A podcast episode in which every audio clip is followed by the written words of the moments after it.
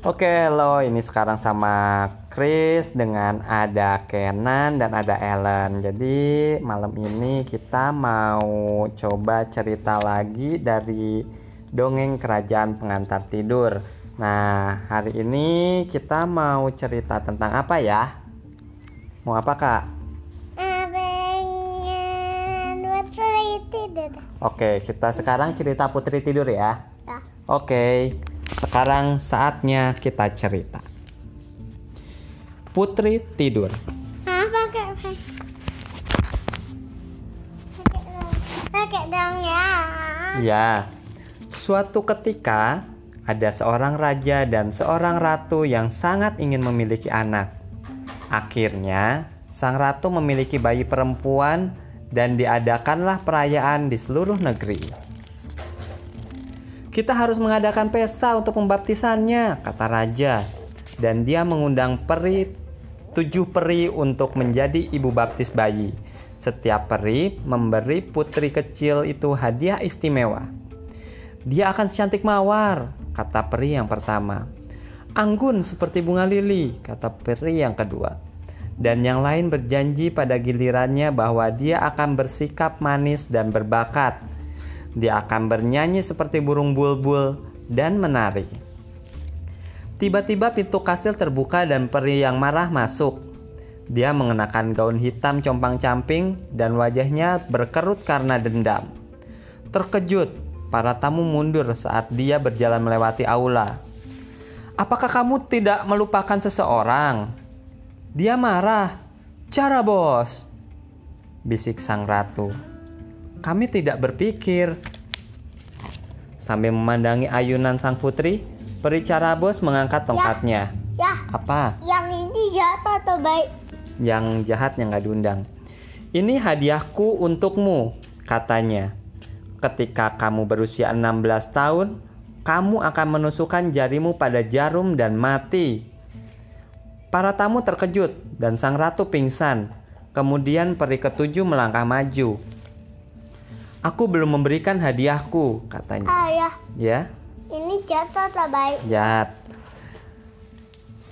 Aku tidak akan bisa membatalkan kutukan jahat ini, tapi mungkin aku bisa membuatnya sedikit lebih baik. Sang putri tidak akan mati, tetapi Ya. dia akan tertidur selama 100 tahun. Ya, Yang ini adiknya yang jahat.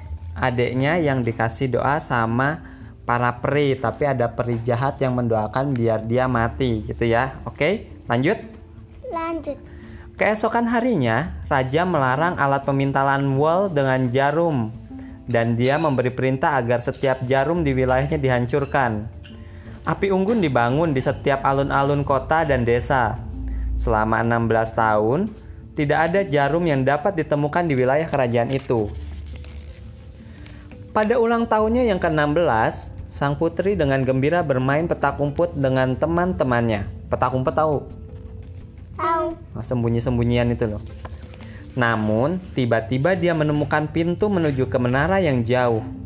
Aku belum pernah melihat pintu ini sebelumnya, pikirnya. Anehnya, dia menaiki tangga yang curam. Di atas ada ruang bundar kecil dan seorang wanita tua duduk di dekat jendela dengan segenggam wol dan benda kayu yang aneh berputar-putar. Oh, apa yang kamu lakukan? Tanya sang putri. Memintal sayangku, kata wanita tua itu. Lihatlah, aku sedang mencoba membuat benang. Apakah kamu ingin mencoba? Tetapi begitu sang putri menyentuh jarum, ia berteriak dan jatuh ke lantai. Wanita tua itu meminta bantuan dan pengawal yang bergegas datang. Tetapi tidak ada yang bisa membangunkan sang putri. Mereka membawa sang putri di kamarnya dan membaringkannya ke tempat tidur. Begitu kepalanya menyentuh bantal, semua orang di istana tertidur lelap. Raja dan ratu menunduk di atas tahta mereka. Dan para raja-raja dan bangsawan berbaring lemas di atas kursi beludru mereka. Para juru masak tidur di dapur. Para pelayan dan pengawal, para penjaga di benteng, semua berbaring dan tidur. Bahkan Ini foto enggak sih? apanya? Ini. Enggak. Bahkan kuda-kuda pun tertidur di kandang kuda. Anjing-anjing tertidur di halaman. Ya, Ini lagi dipakai belum? belum. Dan burung-burung merasakan keheningan di atas istana. Seratus tahun berlalu. Bunga mawar liar tumbuh menyelimuti istana. Hingga akhirnya hanya puncak istana saja yang terlihat. Raja, ratu, dan putri semuanya kini terlupakan. Dan raja baru memerintah negeri itu. Suatu hari, seorang pangeran berkuda lewat dan memperhatikan kubah istana yang diselimuti cabang berduri. Dia pun bertanya-tanya apa yang ada di dalamnya. Iya, itu nggak oke. Dengan melompat turun dari kudanya, ia mengambil pedangnya dan mulai memotong batang mawar liar. Saat sang pangeran mencapai kastil, ia terkejut melihat sosok yang tergeletak di mana pun. Apakah mereka sudah mati? Ia bertanya-tanya. Tetapi ia dengan cepat menyadari bahwa mereka hanya tidur. Ia berjalan dari kamar ke kamar sampai dia datang ke kamar sang putri tidur. Sang putri yang cantik Sang putri sangat cantik sehingga ia tidak bisa menahan diri untuk menciumnya di pipi. Sang putri tersenyum dan membuka matanya. Maukah kau menikah denganku? Tanya sang pangeran. Oh ya, kata putri. Burung-burung mulai bernyanyi dan anjing-anjing menggonggong. Dengan bergandengan tangan, sang pangeran dan sang putri bergegas turun untuk memberitahu orang tuanya tentang kabar baik ini. Dan perlahan istana pun kembali hidup. Selesai untuk hari ini. Gimana ceritanya? Tentang apa? Putri tidur. Putri tidurnya kenapa bisa tidur? Ngeliat ketusuk jarum. Oke.